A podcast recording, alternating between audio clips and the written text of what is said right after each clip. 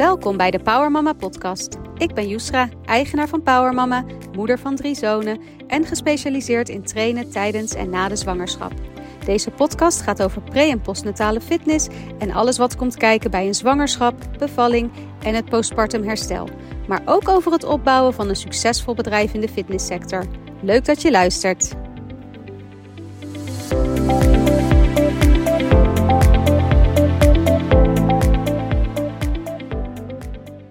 Mogen vrouwen in de zwangerschap niet meer dan 10 kilo tillen? Dit advies wordt heel vaak gegeven. Misschien herken je het wel van toen je zelf zwanger was en je dit gekregen hebt. Of misschien ben je het wel eens tegengekomen op internet. Maar dit is echt een advies wat nog heel veel gegeven wordt. Zo ook vandaag in de besloten appgroep van de Power Mama licentiehouders werd een mailtje gedeeld en daarin stond: til niet meer dan 5 kilo per keer. Hormonen maken de spieren in je rug rekbaarder en zachter, waardoor ze sneller verrekken als je te zware dingen tilt. Nou, en te zware dingen in dit voorbeeld is dan 5 kilo al te zwaar. Nou, dat is natuurlijk bizar als je daarover nadenkt. Want als iemand voor de tweede keer zwanger is en er loopt nog een peuter rond, dan is die peuter zeker zwaarder dan 5 kilo. En die moet ook een paar keer per dag opgetild worden. Dus dit is een heel hardnekkig en gek advies. En in deze podcast ga ik je vertellen waar dit advies vandaan komt en waarom dit een fabeltje is. En zo heb ik ook nog vijf andere fabels die gaan over trainen tijdens de zwangerschap, die ik heel graag met je wil bespreken. Dus superleuk dat je weer luistert.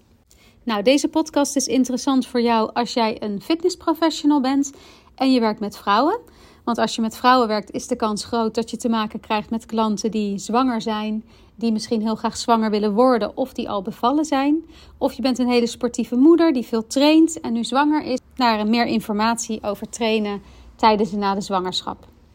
Ik ga de fabeltjes met je bespreken en we beginnen bij de eerste fabel en dat is echt de meest voorkomende. En dat is de fabel: luister naar je lichaam. Je hebt een zwangere klant. Je weet eigenlijk niet zo goed wat je moet adviseren. Ze stelt je allerlei ingewikkelde vragen waar je eigenlijk geen antwoord op weet. En dan komt het goed bedoelde advies. Joh, luister maar gewoon naar je lichaam en uh, doe wat goed voelt. En als iets niet goed voelt, dan uh, moet je er maar mee stoppen. Nou, dat is natuurlijk gewoon iets waar een klant echt totaal niks mee kan. Want hoe moeilijk is het om naar je lijf te luisteren? Dat is sowieso hartstikke lastig, zwanger of niet zwanger.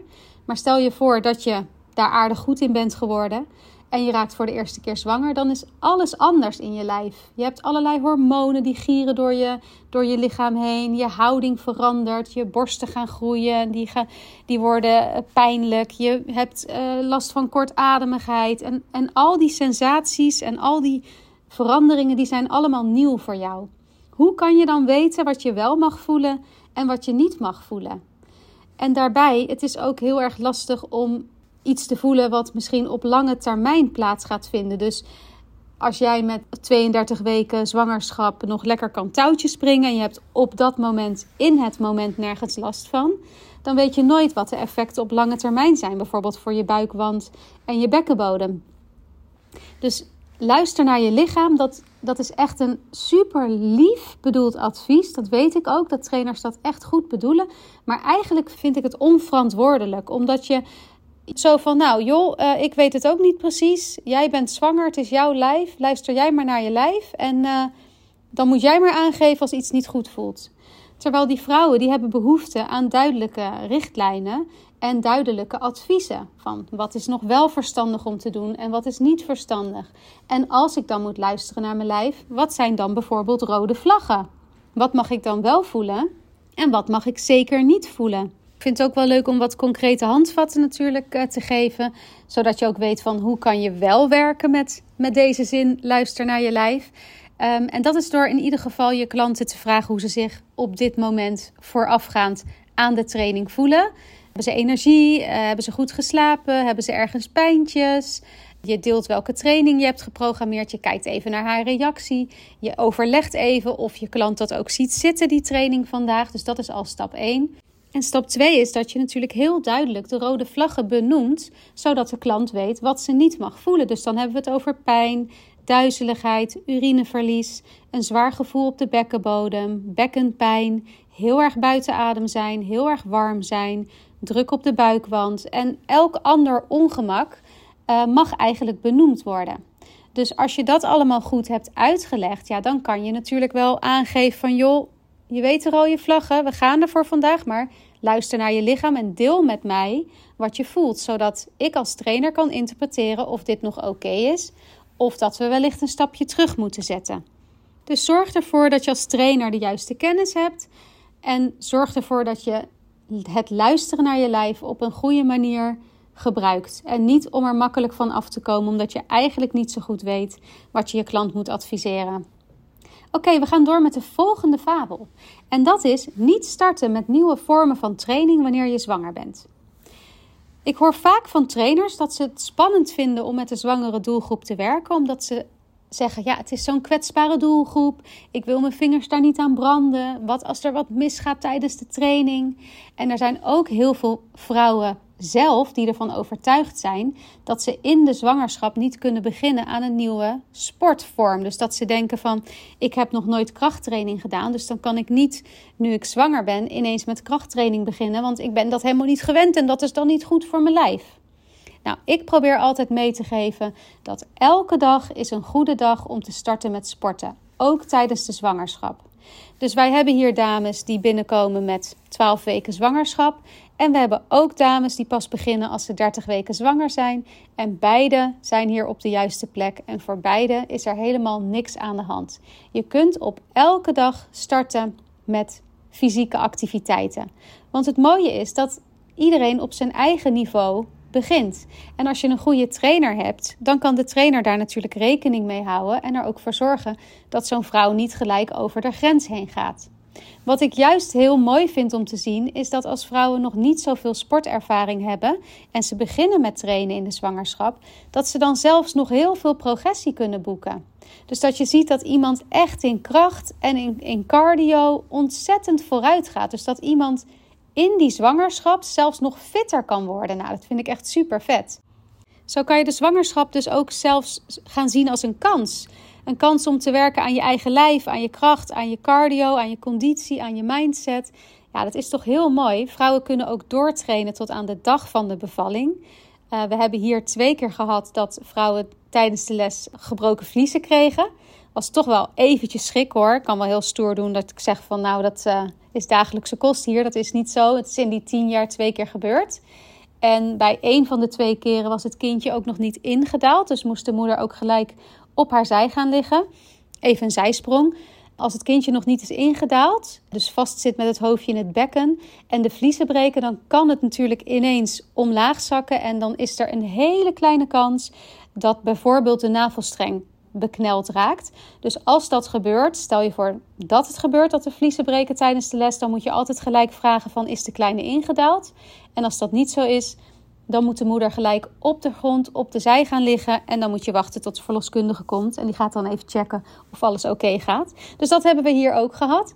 Dus vrouwen kunnen doortrainen tot aan de dag van de bevalling. Uh, ze kunnen gewoon starten met sporten, ook al hebben ze dat nog nooit gedaan.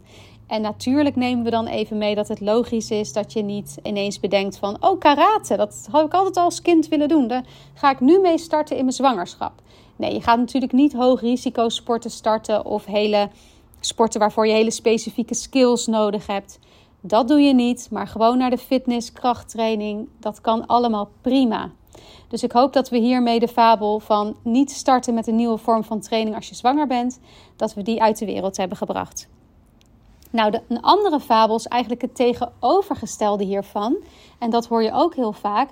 En dat is de fabel: als je het er al vooral deed, dan kan het geen kwaad. Jij bent gewend om zes keer in de week te crossfitten. Dus je bent nu zwanger, dus dat, dat is jouw lijf gewend, dus dat kan je blijven doen. Jij bent gewend dat je drie keer in de week 10 kilometer hard liep. Je bent nu zwanger, dus dat is jouw lijf gewend. Dus dan kan je dat blijven doen. Dat is ook weer een fabel. En dit is vaak ook weer een advies wat gegeven wordt wanneer er dus specifieke kennis ontbreekt. Want trainers die gaan er dan dus vanuit dat iemand die een specifieke sport deed voor de zwangerschap, dat ze dat gewoon sowieso veilig kunnen voortzetten. En dan is dus het idee daarachter van het lijf is aan deze activiteit al gewend, dus dat kan geen kwaad. Maar er zijn natuurlijk heel veel voorbeelden van activiteiten die vrouwen dus beter niet meer kunnen doen als ze zwanger zijn. Ook niet als ze bijvoorbeeld dus al jarenlang op hoog niveau geturnd hebben, noem maar even iets. Ja, dan is het logisch dat je dat als je zwanger bent, dat je daar natuurlijk niet mee doorgaat. Want je zit in een nieuwe fase van het leven. Je hebt met heel veel zaken te maken. Nou ja, alle, de fysiologie, de hormonen, de houding, de veiligheid van het kindje. Ik bedoel, er is hartstikke veel waar je rekening mee moet houden. En dan kan je nog zo goed zijn in een sport. Er moeten gewoon aanpassingen gemaakt worden. De, de niet veilige sporten, dus de sporten met valgevaar, dat lijkt me logisch. Skiën is altijd een goed voorbeeld. Ik hoor heel vaak dat vrouwen zeggen van nee, maar joh, ik, ik kan heel goed skiën. Ik ski al vanaf mijn derde. Dus ja, dat maakt dan toch niet uit. Uh, daar kan ik dan toch gewoon mee doorgaan. Nog één keer gaan we op wintersport. Ik vind dat ook leuk. Ik wil het nog even meepakken. Dit heb ik echt serieus heel vaak gehoord. Maar goed, dan zeg ik altijd van ja, jij staat niet alleen op de piste. Hè? Dus als een of andere Jan uh, met de korte achternaam uh, niet goed kan skiën en jou aanskiet. Ik bedoel, als je valt, het is, ja, dat, dat is gewoon hartstikke gevaarlijk voor je kindje. Dus je hebt niet alleen natuurlijk met jezelf te maken. Bijvoorbeeld CrossFit. Ik kan super goed op mijn handen lopen. Ik kan goed, super goed handstand push-ups. En ik wil ook heel graag laten zien dat ik dat in de zwangerschap ook nog steeds heel goed kan. Maar het, het gaat er niet om dat je het allemaal nog heel goed kan. Het gaat erom, is het nu nog verstandig als je zwanger bent? Of moeten we even rekening houden met alles wat er gebeurt in het lijf en tijdelijk besluiten om bepaalde oefeningen niet meer uit te voeren? Dus het is niet standaard zo dat als iemand ergens heel goed in was voor de zwangerschap en dat op hoog niveau deed, dat ze dat in de zwangerschap gewoon één op één door kan zetten. Er moeten altijd aanpassingen gemaakt worden. Nou, de volgende fabel, dat is ook zo'n toppertje. En dat is daar echt eentje waar ik eigenlijk graag nog een keer een petitie over wil starten. Laten we stoppen met zwangere vrouwen het advies te geven dat ze niet meer dan 10 kilo mogen tillen in de zwangerschap. Want dit advies wordt dus echt nog regelmatig gegeven, ook door veel verloskundigen. En het is ook heel veel op het internet nog te vinden. Maar waar komt dit advies nou vandaan?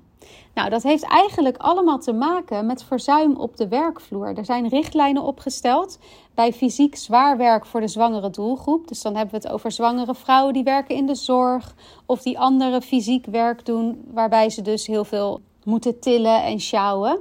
En er komt tijdens de zwangerschap heel veel verzuim voor.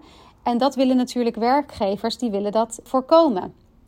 De meest voorkomende reden voor verzuim in de zwangerschap is vermoeidheid. Dat is 50% uh, klachten aan het bewegingsapparaat. Dat is 33% En daarvan is 30% zijn bekkenklachten.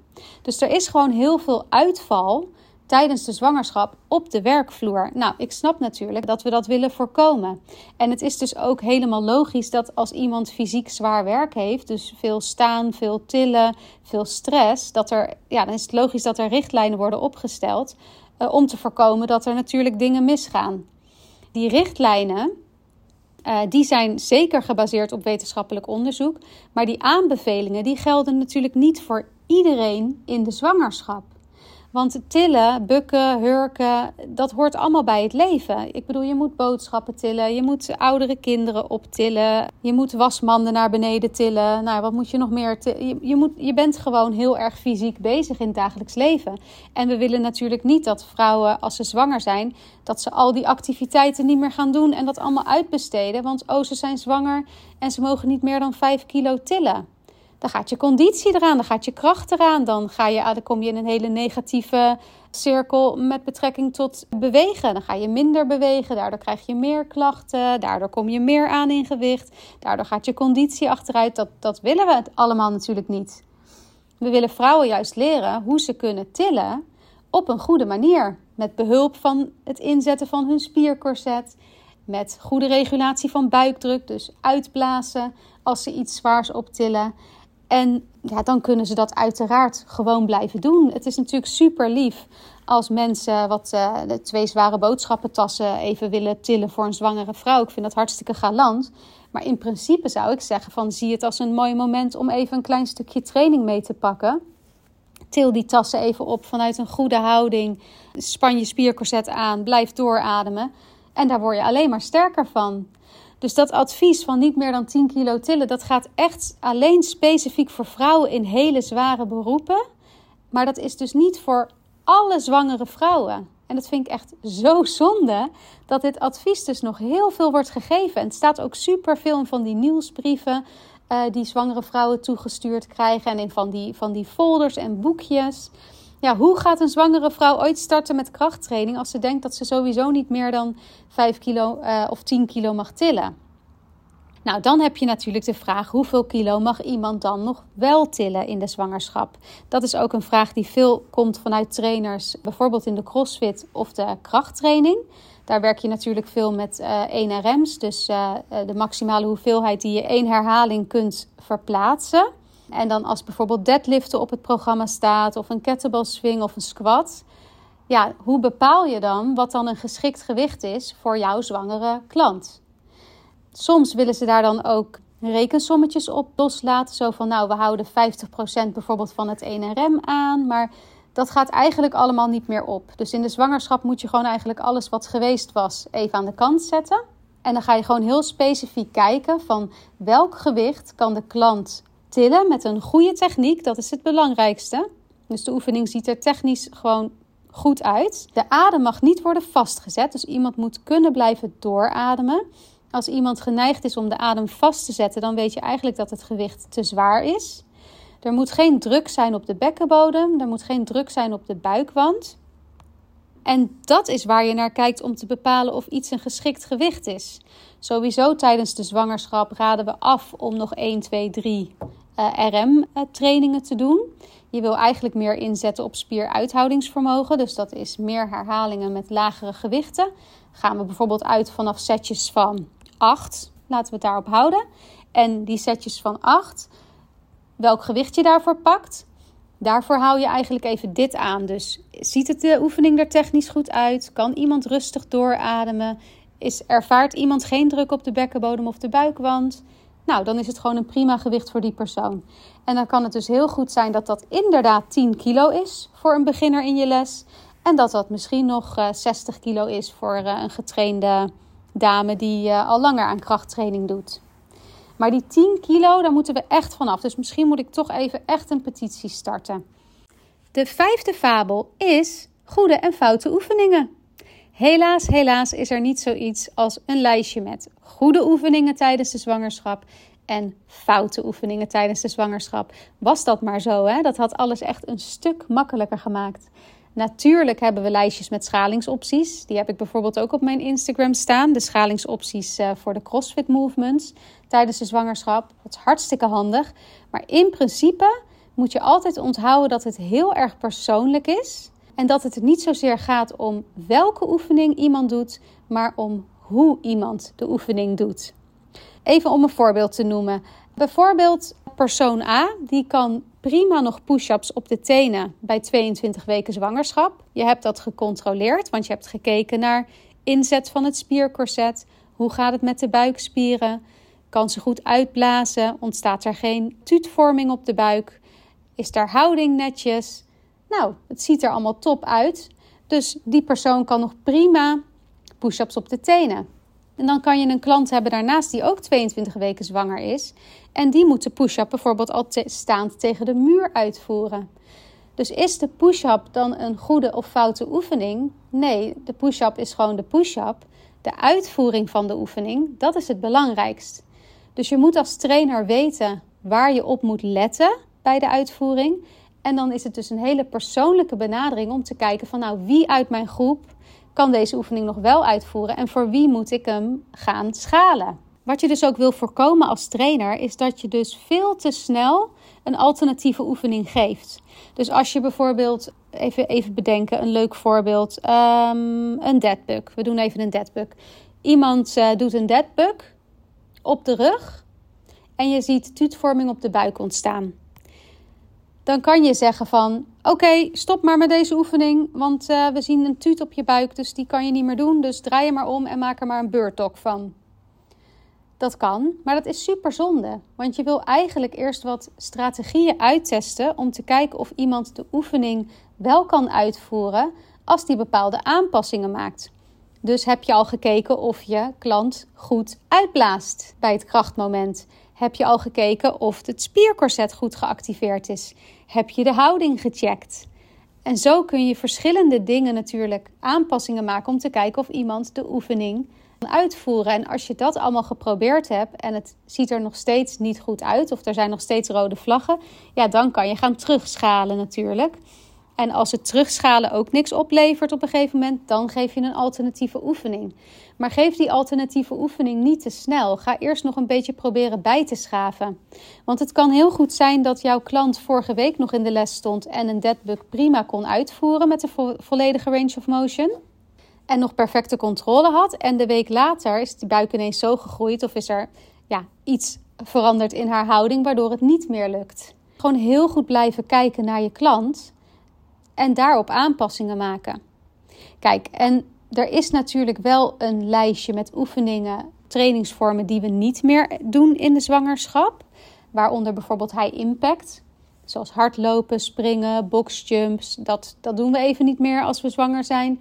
Geïsoleerd belasten van de rechte buikspieren. Dus bijvoorbeeld crunches, sit-ups, uh, leg raises, toes to bar. Dus ja, die oefeningen doen we ook eventjes niet meer. Alles waarbij je niet één voet aan de grond houdt. Dus op je handen lopen, in het rek hangen, pull-ups, dat soort dingen doen we ook even niet meer. Dus tuurlijk, die lijstjes zijn er heus wel en die kan je ook echt wel terugvinden. Maar dan nog blijft het dus heel erg persoonlijk uh, wat iemand wel en niet nog kan in de zwangerschap. En de laatste fabel is: als je sport tijdens de zwangerschap, dan krijg je een topbevalling. Dat is een garantie op een hele makkelijke, snelle bevalling zonder complicaties en een heel erg voorspoedig herstel. Ik maak het nu even heel mooi. Nu denk je misschien, hé, hey, wat zeg jij nu? Want ik zie wel eens bij Power Mama de slogan voorbij komen: zwanger sporten bevalt beter. En dat klopt inderdaad ook. Dat is ook een, uh, een slogan die ik graag gebruik. En het is natuurlijk ook wel zo dat wetenschappelijk onderbouwd is dat vrouwen die sporten in de zwangerschap, dat die daar voordelen van hebben tijdens hun bevalling. Maar als er iets onzeker is in het leven, dan is het wel hoe een bevalling verloopt. En dat is van zoveel factoren afhankelijk. Dus het feit dat jij lekker getraind hebt in een zwangerschap, dat geeft echt 0,0 garantie op hoe je bevalling gaat verlopen. Nou, even terug naar dat onderzoek. Zwanger sporten bevalt beter. Dat is een Spaans onderzoek. Onder 508 vrouwen hebben ze dat gedaan. En dan hebben ze de bevalling vergeleken van de vrouwen die wel gesport hadden in de zwangerschap met vrouwen die niet of nauwelijks bewogen hadden in de zwangerschap. Ze hadden de groep van 508 vrouwen hadden ze gelijkmatig verdeeld in een testgroep en een controlegroep. Die testgroep die deed drie keer in de week uh, een intensief workoutprogramma en de controlegroep deed helemaal niet aan sport. Nou, het resultaat wat ze zagen was dat de vrouwen die gesport hebben in de zwangerschap, dat die minder tijd in de verloskamer hebben doorgebracht. Dus de ontsluitingsfase van de bevalling duurde minder lang. De persfase van de bevalling duurde minder lang. En ze vroegen ook minder vaak om medische pijnbestrijding, zoals een ruggenprik. Nou, de reden, dat is het mooie, waarom dit zo was bij die groep, ja, dat konden ze niet direct terugvinden. Maar ze hebben natuurlijk wel hun verwachting uitgesproken waar dat dan aan ligt. En wat het vermoeden is, is dat dat aan ligt dat vrouwen die sporten tijdens de zwangerschap, die houden een lager BMI door fysiek actief te blijven. Misschien weet je ook wel dat een hoger BMI wat meer risico's geeft op interventies tijdens een bevalling. Die vrouwen hadden een betere conditie en meer spierkracht. Nou, een bevalling wordt vaak vergeleken met het rennen van een marathon. Het kan heel lang duren. Je hebt er echt wel wat uithoudingsvermogen voor nodig om dat vol te kunnen houden. Dan helpt een betere conditie en spierkracht natuurlijk. En die vrouwen, dit vind ik zelf ook een hele mooie, die hadden een betere mindset en meer mentale kracht. En dat is natuurlijk wel heel erg tof, dat sporten tijdens de zwangerschap veel meer is dan alleen fysiek bezig zijn. Het doet ook heel veel voor je mindset. Want je leert je lijf goed kennen, je houdt uh, dingen vol die je zwaar vindt. Je hebt misschien geen zin om te trainen, maar je gaat toch. En achteraf ben je trots op jezelf dat je toch bent geweest en voel je je beter. De sporten doet ook heel veel met je zelfvertrouwen en hoe je naar jezelf kijkt. En de overtuigingen die je hebt over jezelf. En wat jij kan en wat jij aan kan en wat je vol kan houden. Dus zwanger sporten bevalt beter. Er zijn echt nul garanties. Ik zou ook nooit reclame maken met zoiets als kom trainen bij Power Mama, want dan uh, ben je gegarandeerd van een goede bevalling. Dat is natuurlijk gewoon grote onzin. Maar ik moet wel zeggen dat ik het echt heel gaaf vind om te zien dat vrouwen de zwangerschap wel echt aangrijpen als een, ehm, ja, een mogelijkheid om zo sterk en fit mogelijk te worden. En dat ze die bevalling ook echt uh, benaderen als een marathon waarvoor ze willen trainen. En waar ze gewoon goed voorbereid op willen zijn. Zodat ze niet uh, denken van nou joh, um, I'll go with the flow. En ik zie wel wat me, wat me gebeurt. En uh, nou ja, vrouwen zijn ervoor gemaakt en iedereen kan het. Dat is natuurlijk allemaal helemaal waar. Maar het kan flink overweldigend zijn, zo'n bevalling. Dus ik denk dat het heel erg helpt als je je daar goed op voorbereidt. Nou, ik hoop dat ik met deze podcast weer zes fabeltjes eh, de wereld uitgeholpen heb. Echt, alsjeblieft, als je zwangere klant tegen jou zegt dat ze niet meer dan 10 kilo mag tillen, stuur er terug naar de persoon die dat verteld heeft en laat haar navragen van waar is deze informatie op gebaseerd? Want die moeten we echt de wereld uitkrijgen en die anderen natuurlijk ook. Ik wil je bedanken voor het luisteren. Ben jij nou een uh, fitnesstrainer en uh, werk je dus met vrouwen? Wil je je verder verdiepen in trainen tijdens de zwangerschap, dan kan ik natuurlijk de Power Mama opleiding aanbevelen. We hebben een klassikale opleiding, die is op locatie, twee dagen hier in Zoetermeer. Die is op 1 en 2 februari 2024. Dus mocht je dit luisteren voor die tijd en je denkt: ik wil alles leren over het werken met deze doelgroep, dan kan je nog meedoen. En we hebben een online opleiding, dat is eigenlijk een hybride opleiding. Dat zijn online masterclasses in combinatie met een praktijkdag. En daar kan je gewoon anytime mee starten. Dus als je geïnspireerd bent, dan kun je deze podcast afsluiten en uh, gewoon gelijk naar de website gaan en starten met de online opleiding. En de website is natuurlijk powermama.nl. Nou, super bedankt. Mocht je hier nog iets aan willen toevoegen of je hebt vragen, ik vind het leuk om van je te horen. Je kan. Uh, ja, mij benaderen via Instagram het makkelijkst, denk ik. Daar een DM sturen of stuur een mailtje naar info.powermama.nl. En ik hoop dat je volgende keer weer luistert. Dankjewel!